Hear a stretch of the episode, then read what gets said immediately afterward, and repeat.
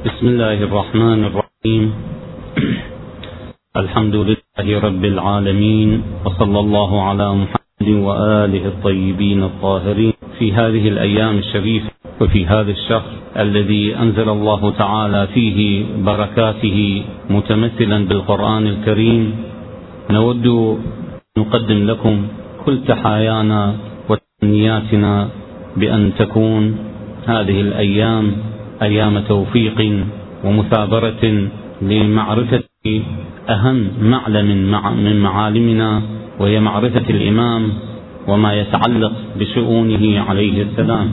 وفي هذه الليالي الشريفة يواظب المرء أن يقرأ في كل ليلة من ليالي هذا الشهر الكريم دعاء الافتتاح والذي ورد فيه عبارات مهمة وأهمها ما كان هو شعار لهذه الدورة الشريفة والتي أقامها مركز الدراسات التخصصية للإمام المهدي عليه السلام قسم الأخوات فجزاهم جزاهم الله خير الجزاء. واقعا على هذه المبادرة وأسأل الله تعالى أن تستمر هذه المبادرات دائما وأبدا. وأن يكون تعلق بالإمام المهدي عليه السلام مترجما بدورات أو بمطالعات لحياته وخصائصه الشريفة. أهم ما نقرأه في دعاء الافتتاح عبارة مهمة وهي الشعار الذي قررته الأخوات أن يكون شعار لهذه الدورة. اللهم إنا نسألك أو إنا نرغب إليك في دولة كريمة تعز بها الإسلام وأهله وتذل بها النفاق وأهله وتجعلنا فيها من الدعاة إلى طاعتك والقادة إلى سبيلك. دعاء الافتتاح منسوب إلى الإمام المهدي عجل الله فرجه الشريف. دعاء ثناء ومدح وكل عبارة من عباراته الشريفة تنبئ عن قضايا مهمة يجب أن يتعرف إليها الإنسان. دعاء الافتتاح بمعنى أن الإنسان يفتتح ليلته الرمضانية بالثناء والحمد والشكر لله تعالى.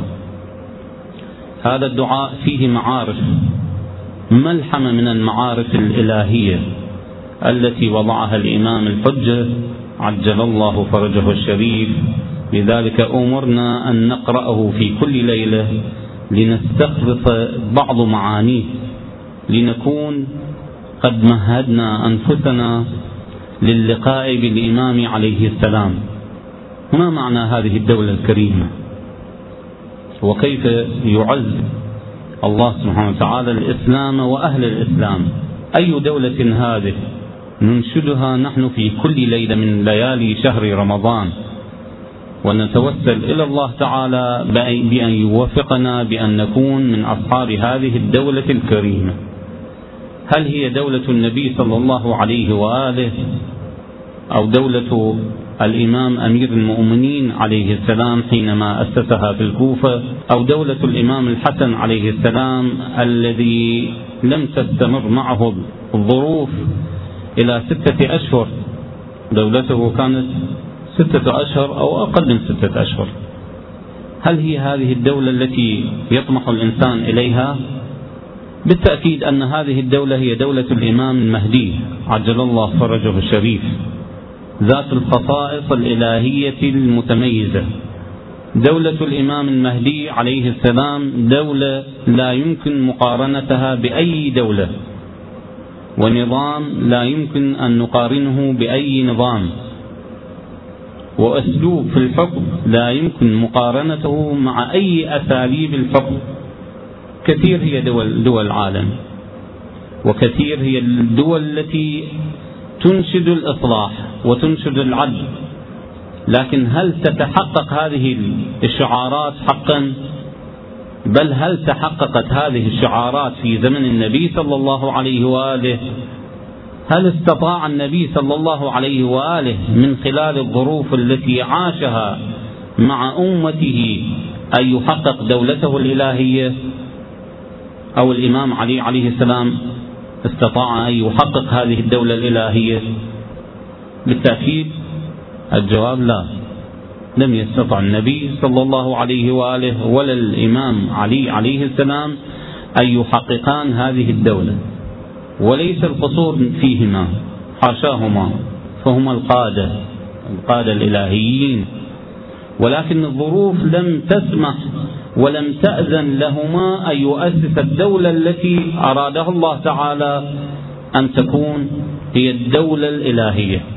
بالتأكيد كثير من الأنظمة مرت وكثير من الحكومات حكمت سواء كان حكمت بحكم إسلامي أو تظاهرت بمظهر إسلامي أو رفعت شعارات إصلاح ولكنها علمانية. دول علمانية كثيرة لكنها تصبو إلى الإصلاح تدعو إلى الإصلاح تريد الإصلاح. هل استطاعت هذه الدول عبر التاريخ أن تحقق هذا الغرض الإلهي؟ هل استطاع الأنبياء أن يحققوا هذا الغرض الإلهي من آدم حتى النبي صلى الله عليه وآله؟ هل تحققت هذه الدولة؟ هل استطاع الأنبياء سواء كان موسى الذي كان يحكم بني إسرائيل أو كان نوح الذي حكم أو جعل هيمنته على العالم كله. أو إبراهيم كما هو معروف. هل استطاع هؤلاء الأنبياء أو جميع الأنبياء أن يحققوا جزء من هذا الطموح الإلهي؟ بالتأكيد لم يتحقق. والسبب في ذلك أن الظروف هي التي لم تساعد هؤلاء الأنبياء وهؤلاء المصلحين أن يحققوا دولتهم.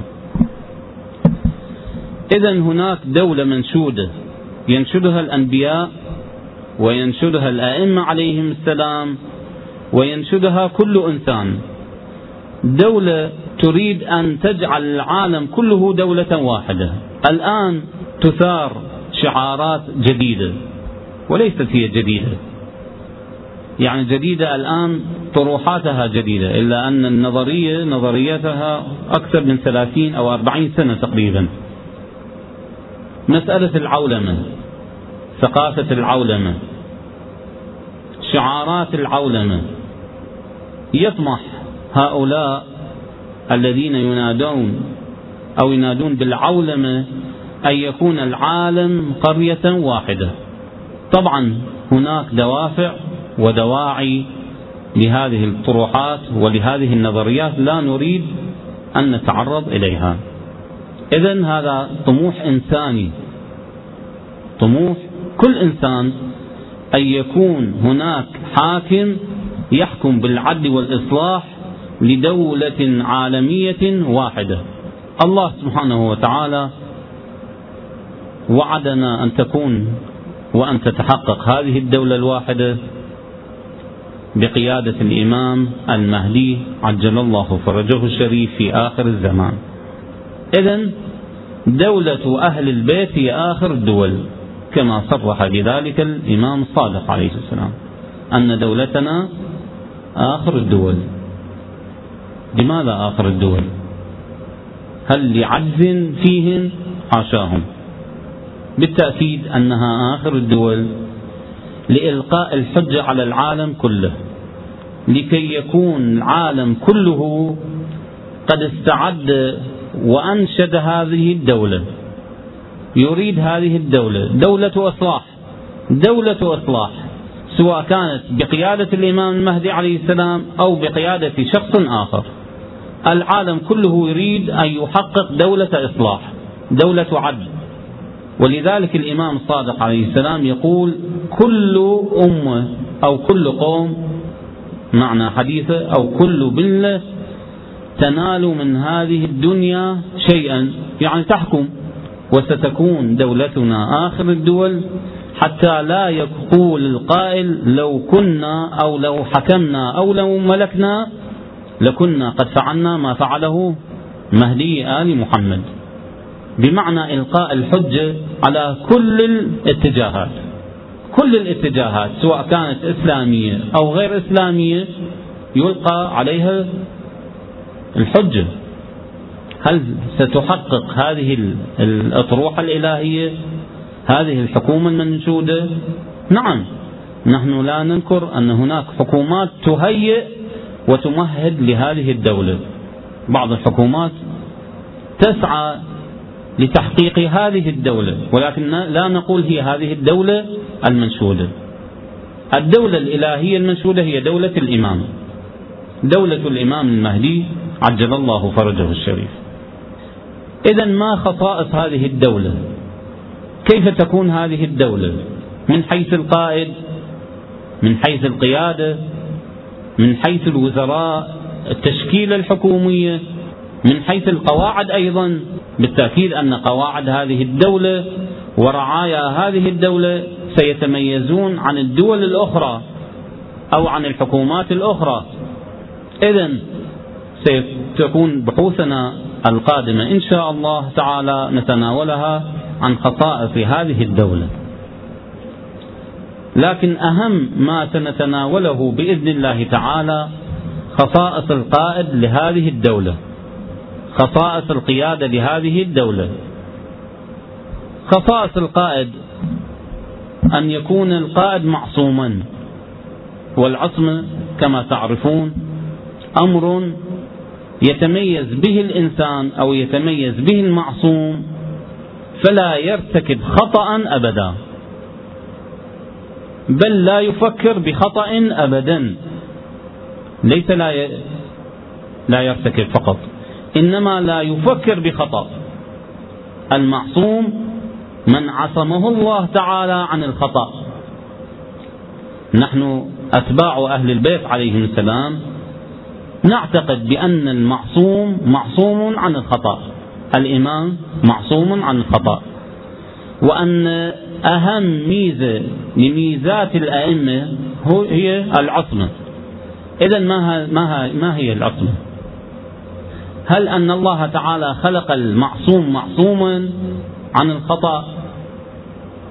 لذلك اعترضوا بعضهم على الشيعة وقالوا إذا قلتم أن الله تعالى خلق هذا المعصوم معصوما فقد بطل المدح.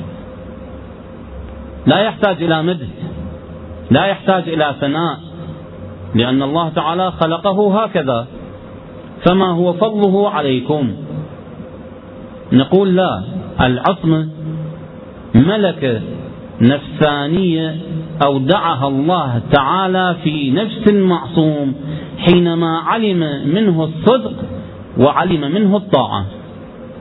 الله سبحانه وتعالى أودع ملكة ملكة بمعنى قابلية قابلية العصمة أودعها في نفس المعصوم ليكون معصوما. حينما علم منه الصدق حينما عرف منه الطاعة. ولذلك وردت روايات روايات عن عالم الذر أن الخلق حينما خلقهم عرف منهم الطاعة. عرف منهم الطاعة. سألهم بعهد الوحدانية والنبوة والإمامة. أقروا لله تعالى بالوحدانية وأقروا لله بالنبوة للنبي صلى الله عليه وآله وأقروا له بالولاية لعلي عليه السلام. أخذ منهم هذا العهد. ولذلك علم الله تعالى من ذلك العالم من أطاعه ومن عصاه. ولذلك الروايات وردت على أن أول من سبح لله تعالى وأول من اعترف له بالوحدانية النبي صلى الله عليه وآله والآئمة المعصومين عليهم السلام. قبل أن يخلق الخلق بأربعة عشر ألف عام هكذا وردت الروايات. أن الأئمة عليهم السلام اعترفوا لله وعاهدوا الله تعالى بالوحدانية قبل أن يخلق, يخلق الخلق بأربعة عشر ألف عام. إذا الله سبحانه وتعالى أخذ العهد من الآئمة عليهم السلام فجعلهم معصومين لأنهم استحقوا بإقرارهم واعترافهم وطاعتهم لله تعالى هذه المنزلة. فلذلك لا بد أن يكون الإمام معصوما والعصمة كما تعرفون أن لا يرتكب شيء من الخطأ. لماذا لا يرتكب من الخطأ شيء؟ الإمام عليه السلام أعلم الناس. الإمام من صفاته أعلم الناس. يعلم ما في الشرق وما في الغرب ويعلم الغيب كله بإذن الله تعالى. ويعلم أن لكل معصية هناك عقوبة كل معصية يرتكبها الإنسان عليها عقوبة هذه العقوبة يعرفها الإمام حق معرفتها. الله سبحانه وتعالى أعطاه القابلية والقدرة على أن يعرف هذه العقوبات بتفاصيلها. يعرف النار كيف هي النار وكيف هو العذاب. هناك تفصيل في ذهن معصوم. تفصيل في ذهن معصوم. يعرف ما هي النار وما هي درجات النار وكيف يعاقب الإنسان بالنار. هل يستطيع بعد ذلك إنسان يفكر أن المعصوم حينما يعرف هذه التفاصيل من العقوبة وما أعد الله تعالى للمطيعين من الثواب. هل يفكر بعد ذلك المعصوم بالمعصية؟ مستحيل. مستحيل. الإنسان الذي يعرف الطريق الخطف من النجف إلى بغداد مثلا وخصوصا في الليل على فرض هل من الصحيح أو من المعقول عقلائيا أن يسافر ليلا؟ يعرف أن هناك خطر يداهمه. يعرف أن هناك عصابات تدعي الإسلام ولكنها براء منها الإسلام. تقتل البريء وغير البريء. يعرف ذلك ولكنه يعصم نفسه عن أن يقع في هذا الخطأ. الإمام عليه السلام كذلك يعرف أن ما يواجهه الإنسان حينما يعاقب العقوبات تنكشف لديه. يعرف النار ويعرف مراتب النار ويعرف الجنة ويعرف مراتب الجنة. فكيف بعد ذلك يفكر بالمعصية؟ لم يرتكب المعصية فقط بل لا يفكر بالمعصية بعد ذلك. من هنا نعرف أن الإمام يجب أن يكون معصوما. والعصمة ليست إجبارية إنما اختيارية. هذا أهم أو هذه أهم صفة من صفات القائد لهذه الدولة الإلهية صفة العصمة. بالتأكيد أن هذا الطموح طموح أن يكون القائد معصوما ليس عندنا فقط إنما هي قضية إنسانية ينادي بها كثير من الفلاسفة. ولذلك معروف أن المدينة الفاضلة مدينة الفاضلة للفيلسوف أفلاطون معروف أنه صور كيف يعيش الإنسان بسعادة يعيش في مدينة في دولة يحكمها إنسان معصوم. قبل أن يكون الإسلام قبل أن يأتي الإسلام إفلاطون كان يفكر يفكر ويمني نفسه بأن تكون هناك دولة يحكمها معصوم. اذا مسألة الدولة الإلهية التي يحكمها المعصوم هي مسألة مسألة إنسانية طموح إنساني.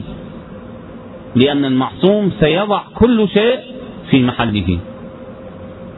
انظروا إلى دولة الإمام أمير المؤمنين عليه السلام. أروع دولة. وانظروا إلى العهود التي كتبها إلى مالك الأشتر. والعهد الذي كتبه إلى محمد بن أبي بكر كما هو معروف أن هذين العهدين كما ينقل التاريخ أن هذين العهدين حينما قتل مالك ومحمد بن أبي بكر استولى عليها على هذين العهدين استولى عليهما معاوية بن أبي سفيان. أخذ أخذ هذين العهدين وأخذ يعمل بهذين العهدين. نظام حكم. أسس نظام حكم أمير المؤمنين عليه السلام في دولته أسس نظام حكم. كان يعرف كيف يمارس الحكم الإلهي. كان يضع العدل في محله. ولذلك من الأشياء التي تذكر عن دولة أمير المؤمنين عليه السلام أنه يذكر أنه كان إذا صلى صلى الظهر ذهب إلى بيته. فنادى في البيت. هل شيء؟ هل هناك شيء من الأكل من الغذاء؟ إن كان هناك غذاء آكل وخرج. وإن لم يكن هناك غذاء حمد الله تعالى وخرج. ثم يجلس في مكان في طريق لأربعة طرق. أحد أصحابه يقول مررت فوجدت علي بن أبي طالب عليه السلام في ذلك الصيف الحار صيف الكوفة. قيض الكوفه يقول كان جالسا بين أربعة طرق وواضعا سيفه أمامه. والناس في حالة قيلولة في حالة راحة. فتعجبت من ذلك.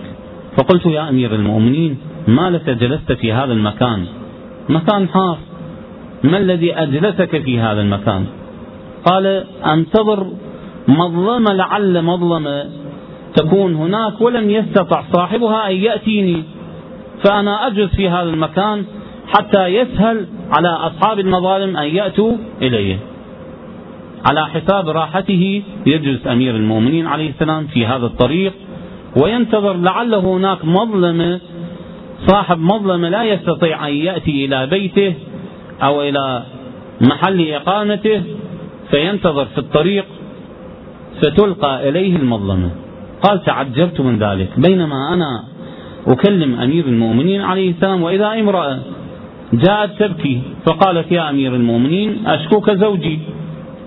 فقال ما به؟ قالت يضربني ولا يحترمني ويظلمني دائما. فقال قومي معي. قامت معه فذهب إلى البيت. صاحب يعني زوج هذه المرأة لم يعرف أمير المؤمنين عليه السلام. ما كان إعلام ولا كان يعرف رئيس الدولة. فطرق الباب فكلمه ونهاه عما هو به. فقال ما الذي أدخلك بيني وبين زوجتي؟ فقال زوجته هذا أمير المؤمنين علي بن أبي طالب. فوقع الرجل على قدميه يقبلهما ويعتذر إلى أمير المؤمنين عليه السلام يقول عذرا يا أمير المؤمنين والله لن أكلم زوجتي بما يسيئها كرامة لك. مظلمة ردها أمير المؤمنين عليه السلام على حساب راحته على حساب بيته على حساب مكانته. رجل محترم عظيم الشأن يجلس في شارع يقول لعله يأتيني شخص ويسألني بمظلمة لأردها إليه. منتهى العدل منتهى العظمة كان يمارسه أمير المؤمنين عليه السلام في أيام حكمه. في بعض الروايات مضمونها أن العدل سيدخل كل دار كما يدخله الحر والبرد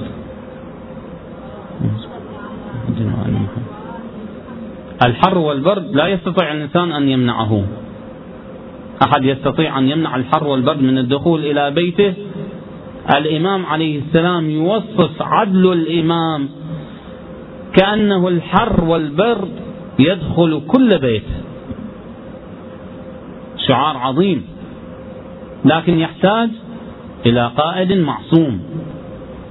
فلنتناول بعض صفات هذا القائد.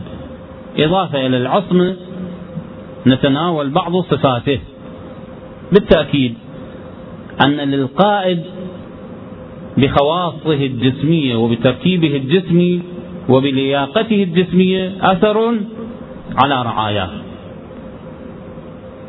ولذلك الله سبحانه وتعالى أشار إلى طالوت بأن الله تعالى أعطاه بسطة من العلم والجسم.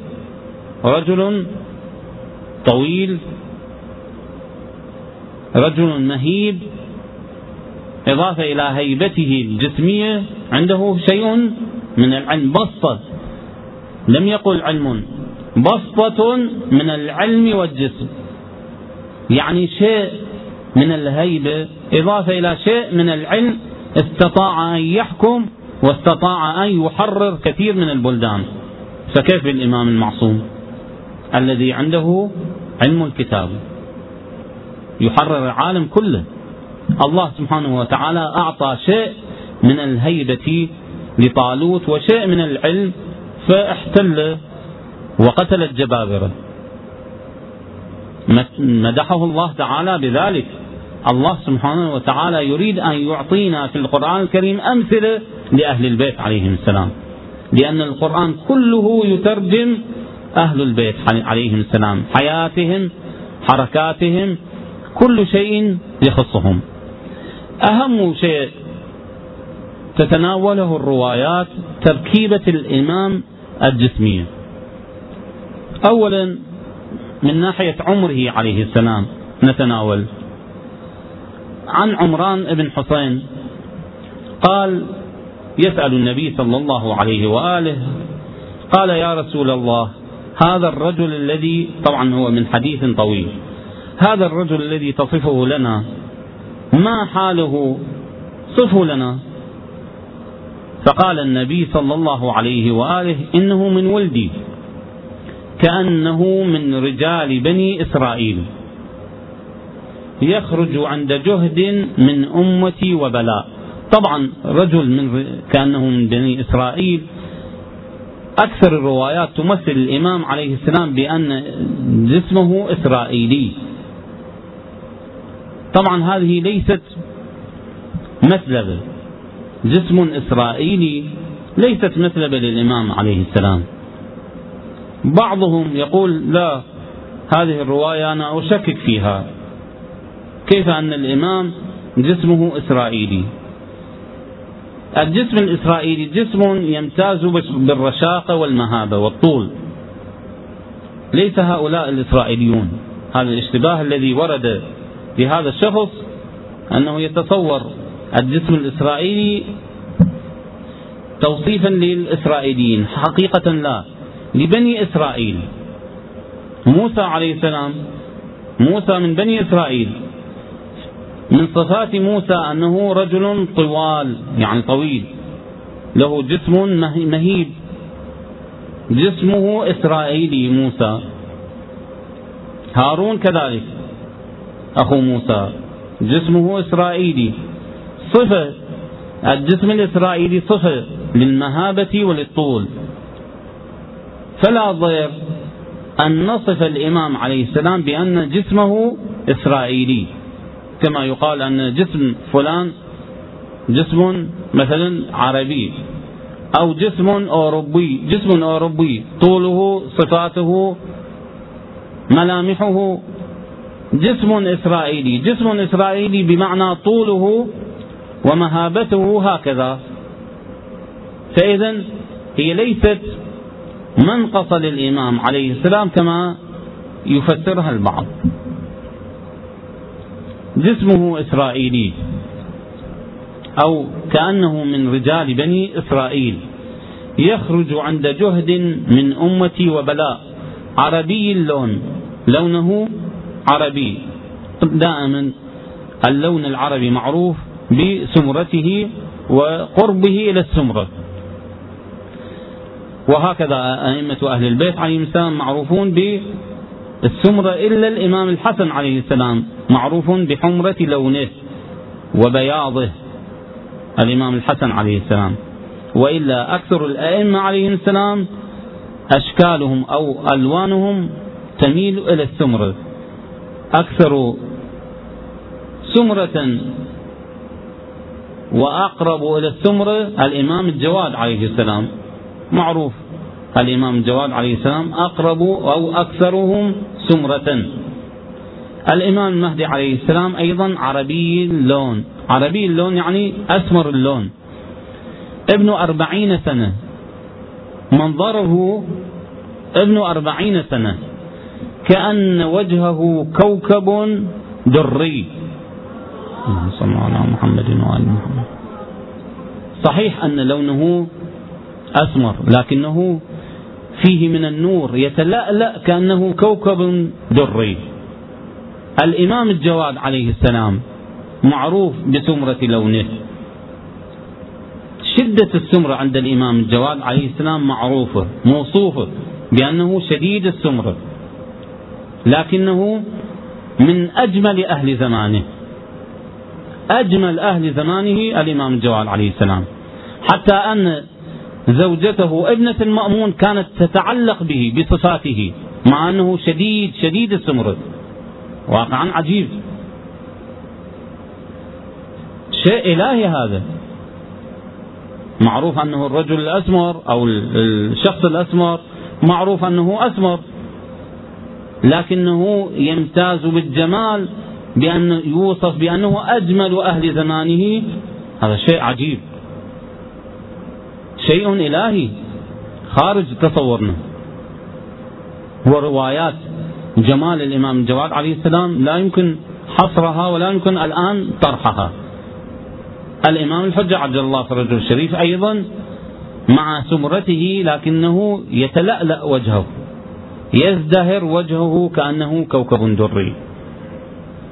يملأ الأرض عدلا كما ملئت ظلما وجورا.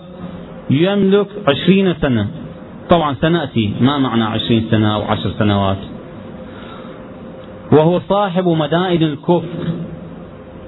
صاحب مدائن الكفر. يعني هو الذي يفتح مدائن الكفر. قسطنطينية ورومية. يعني دول, دول أوروبا هو الذي سيفتحها ولذلك هو صاحب دول الكفر أو دولة الكفر أو مدائن الكفر. هو الذي سيفتحها على يديه. طبعا المصدر الملاحم لابن طاووس صفحة 142 وعن الإمام الحسن عليه السلام يطيل الله عمره, عمره في غيبته ثم يظهره بقدرته في صورة شاب. يطيل الله عمره في غيبته ثم يظهره بقدرته في صورة شاب دون أربعين سنة. يعني من نظر إليه خمن واحتمل أن يكون عمره أربعين أو دون الأربعين سنة. لكنه عمره سن الشيوخ كما ورد في الروايات التي ستأتي إن شاء الله. سن الشيوخ. لأنه 1400 وكذا. لكنه من نظر إليه كان عمره أربعين سنة أو أقل من أربعين عام. وعن الصادق عليه السلام لو قد قام القائم لأنكره الناس لو قد قام القائم لأنكره الناس لأنه يرجع إليهم شابا موفقا لا يثبت عليه إلا من قد أخذ الله ميثاقه في الذر الأول. وبعضهم سأل الإمام رضا عليه السلام عن صفات الإمام وما علامة القائم منكم إذا خرج؟ قال علامته أن يكون شيخ السن. عمره أكثر من ألف عام. شيخ السن شاب المظهر أو شاب المنظر حتى أن الناظر إليه لا يحسبه ابن أربعين سنة أو دونها وأن من علامته أن لا يهرم بمرور الأيام والليالي عليه حتى يأتي أجله. صفة الإمام عليه السلام أن يبقى هكذا لا يهرم حتى عند ظهوره لا يهرم. يبقى ابن أربعين سنة في, في عنفوانه وفي, وفي منظره. أو أقل من أربعين عام. لا يهرم حتى يأتيه أجله حتى يموت أو حتى يستشهد على بعض الروايات. في منظره بعضهم قال ابن ثمانية عشر عام. الصفات البدنية للإمام عليه السلام مهمة جدا. تحدث عنها الإمام الرضا عليه السلام والأئمة من بعده. عن الريان بن الصلت قال قلت للرضا عليه السلام أنت صاحب هذا الأمر. يعني أنت الإمام المهدي أنت المبعوث لتجعلها أو لتؤسس هذه الدولة. أنت صاحب هذا الأمر. فقال أنا صاحب هذا الأمر. صحيح أنا صاحب هذا الأمر. باعتبار أني إمام عصري. لأن كل إمام يسمى صاحب الأمر. صاحب الأمر لعصره. صاحب العصر إمام الزمان. الصادق عليه السلام في زمانه يسمى إمام الزمان أو صاحب العصر. إمامنا نسميه الآن صاحب العصر. الإمام الرضا عليه السلام يقول نعم أنا صاحب هذا الأمر. في هذا العصر أنا صاحب هذا الأمر. أنا الإمام في هذا العصر. ولكني لست بالذي أملأها عدلا كما ملئت جورا. وكيف أكون ذلك؟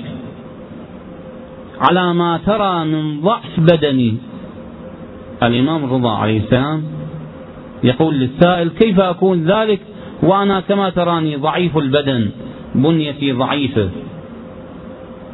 القائم هو الذي إذا خرج كان في سن الشيوخ ومنظر الشباب قويا في بدنه حتى لو مد يده إلى أعظم شجرة على وجه الأرض لقلعها. ولو صاح بين الجبال لتدكت صخورها يكون معه عصا موسى وخاتم سليمان. إضافة إلى ما يملك الإمام عليه السلام من قوة بدنية هناك أمور تعين الإمام عليه السلام على مهمته. معه عصا موسى وخاتم سليمان. طبعا عصا موسى وخاتم سليمان وبعض الأمور وبعض الأشياء هي من مواريث النبوة يرثها نبي بعد نبي حتى وصلت إلى نبينا صلى الله عليه وآله. ثم نقلت إلى الإمام أمير المؤمنين عليه السلام حتى حتى إمام بعد إمام حتى استقرت عند الإمام المهدي عجل الله فرجه الشريف. طبعا لهذه العصا خصوصيات لا يمكن حصرها لكنها هذه العصا نزلت من الجنة. معروف أنها أنزلت من الجنة لموسى عليه السلام وفيها كل شيء. حتى بعض الروايات أن هذه العصا تلقف ما يأفكون يلقيها الإمام عليه السلام فتكون حية كما ألقاها موسى عليه السلام. إضافة إلى خاتم سليمان. طبعا لخاتم سليمان خصوصيات أيضا في التدبير الكوني. خصوصيات في هذا الكون لخاتم سليمان. الله سبحانه وتعالى جعل في كثير من مخلوقاته أمور يدير بها هذا الكون. لا نعلمها. أهل البيت عليهم السلام هم أعلم بها منا. وسيأتي في قميص يوسف عليه السلام الإمام الحجة عجل الله فرجه الشريف أيضا يملكه يملك قميص يوسف وقميص يوسف لديه من الخصوصيات له من الخصوصيات ما تحدث عنها القرآن الكريم. إني لأشم ريح يوسف.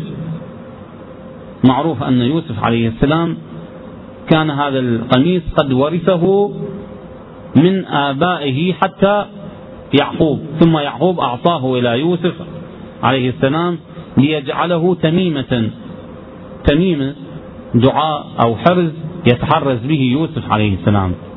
معروف أنه حينما سجن وحينما مرت عليه هذه الظروف نشره فتحه فذهب ريح هذا القميص إلى يعقوب فشمه شم ريحه فقال إني أشم ريح يوسف. ريح القميص لأن هذا القميص له خصوصيات. أنزله الله تعالى من الجنة إلى إبراهيم عليه السلام كما هو معروف حينما أوقدوا له نار إبراهيم حينما أوقدوا له نار ليحرقوه جبرائيل عليه السلام جاء بهذا القميص وأعطاه ليلبسه. فلما لبسه حينما أوقدوا النار لم يحس بهذا بهذه النار. وكانت عليه بردا وسلاما. حينما مات إبراهيم عليه السلام قبل أن يموت أعطاه إلى ولده إسماعيل ثم توارثوه الأنبياء من نبي إلى نبي حتى وصل إلى إمامنا الحجة عجل الله فرجه الشريف. الإمام عليه السلام يلبسه فيه خصوصيات خاصة.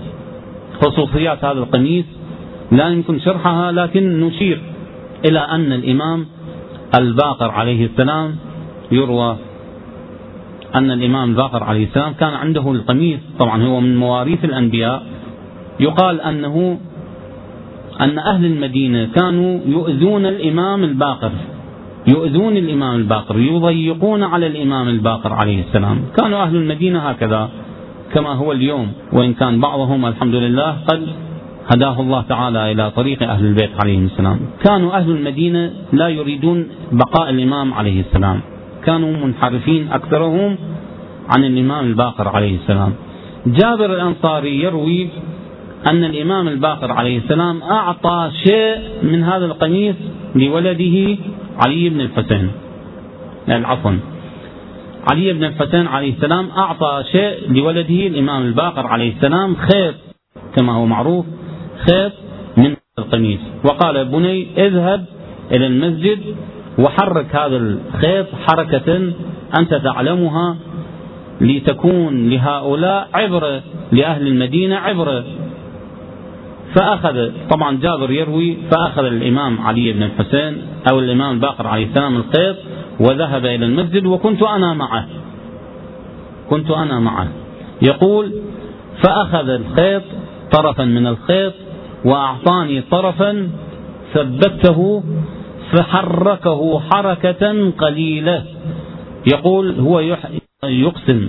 جابر يقول والله أحسست بأن الأرض قد اهتزت بي المدينة اهتزت. فجاء أهل المدينة وهم يستغيثون بالإمام علي بن الحسين عليه السلام ويقولون يا ابن رسول الله أدركنا أدركنا يا ابن رسول الله. هذه صفات قميص يوسف. هذا القميص يرثه الإمام الحجة كذلك وسنأتي بعد ذلك إلى أن هذا القميص يرثه وقميص آخر أيضا يرثه إن شاء الله. الكمالات الأخرى للإمام الحجة عجل الله فرجه الشريف هي الكمالات الأخلاقية إضافة إلى عصمته كما ذكرنا علمه عليه السلام كونه أعلم الناس. الإمام رضا عليه السلام يصف الإمام المهدي عليه السلام بعلمه وعصمته. يقول المهدي أعلم الناس وأحلم الناس وأتقى الناس وأسخى الناس وأشجع الناس وأعبد الناس. طبعا هذه صفات كل إمام كل إمام هي هذه مواصفاته. لكنه سيتميز الإمام المهدي عليه السلام في عصرنا حين ظهوره بأنه أعلم الناس وأحلم الناس وأعبد الناس وأزهد الناس وأحلمهم. أحلمهم كما ذكرنا في روايات أنه كان الإمام عليه السلام لحلمه يعفو عن السفياني يعفو لا يقتله لكن يقتله بعض أصحابه لحلمه. من صفات الإمام عليه السلام خوفه من الله تعالى خائفا مترقبا مع أنه شجاعا يعني كصفات جده أمير المؤمنين عليه السلام. شجاعا في الحرب بكاء عند عبادته بكاء في محرابه. معروف أمير المؤمنين عليه السلام. في ساحات الوغى في ساحات الجهاد لا يمكن أن يقف أمامه أحد. لكنه حينما يتوجه إلى الله تعالى يكون قد محل جسده ويذوب في طاعة الله تعالى. يبكي بكاء مريرا. الإمام الحجة عجل الله فرجه الشريف هذه صفاته.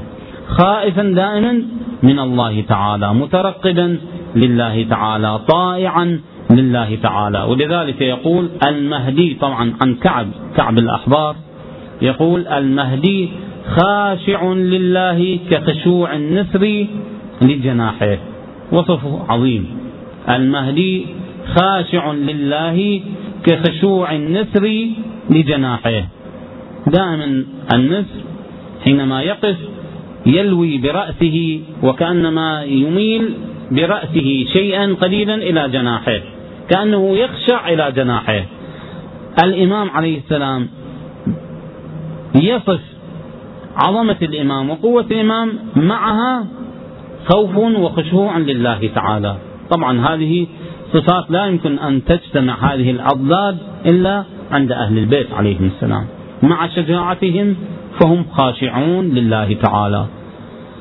مع قوتهم فهم طائعون لله تعالى. ذائبون في عبادة الله تعالى. هذه صفات الإمام عجل الله فرجه الشريف. أعتقد هذه الأشياء وهذه الأمور مقدمة لمواصفات القائد ولمواصفات القيادة. وسنأتي إن شاء الله تعالى إلى مواصفات أخرى للإمام عليه السلام إضافة إلى مواصفات رعاياه لتعطي صوره واضحة عن دولته وخصائص دولته الشريفة بإذن الله تعالى وتقبل الله صيامكم إن شاء الله. والسلام عليكم.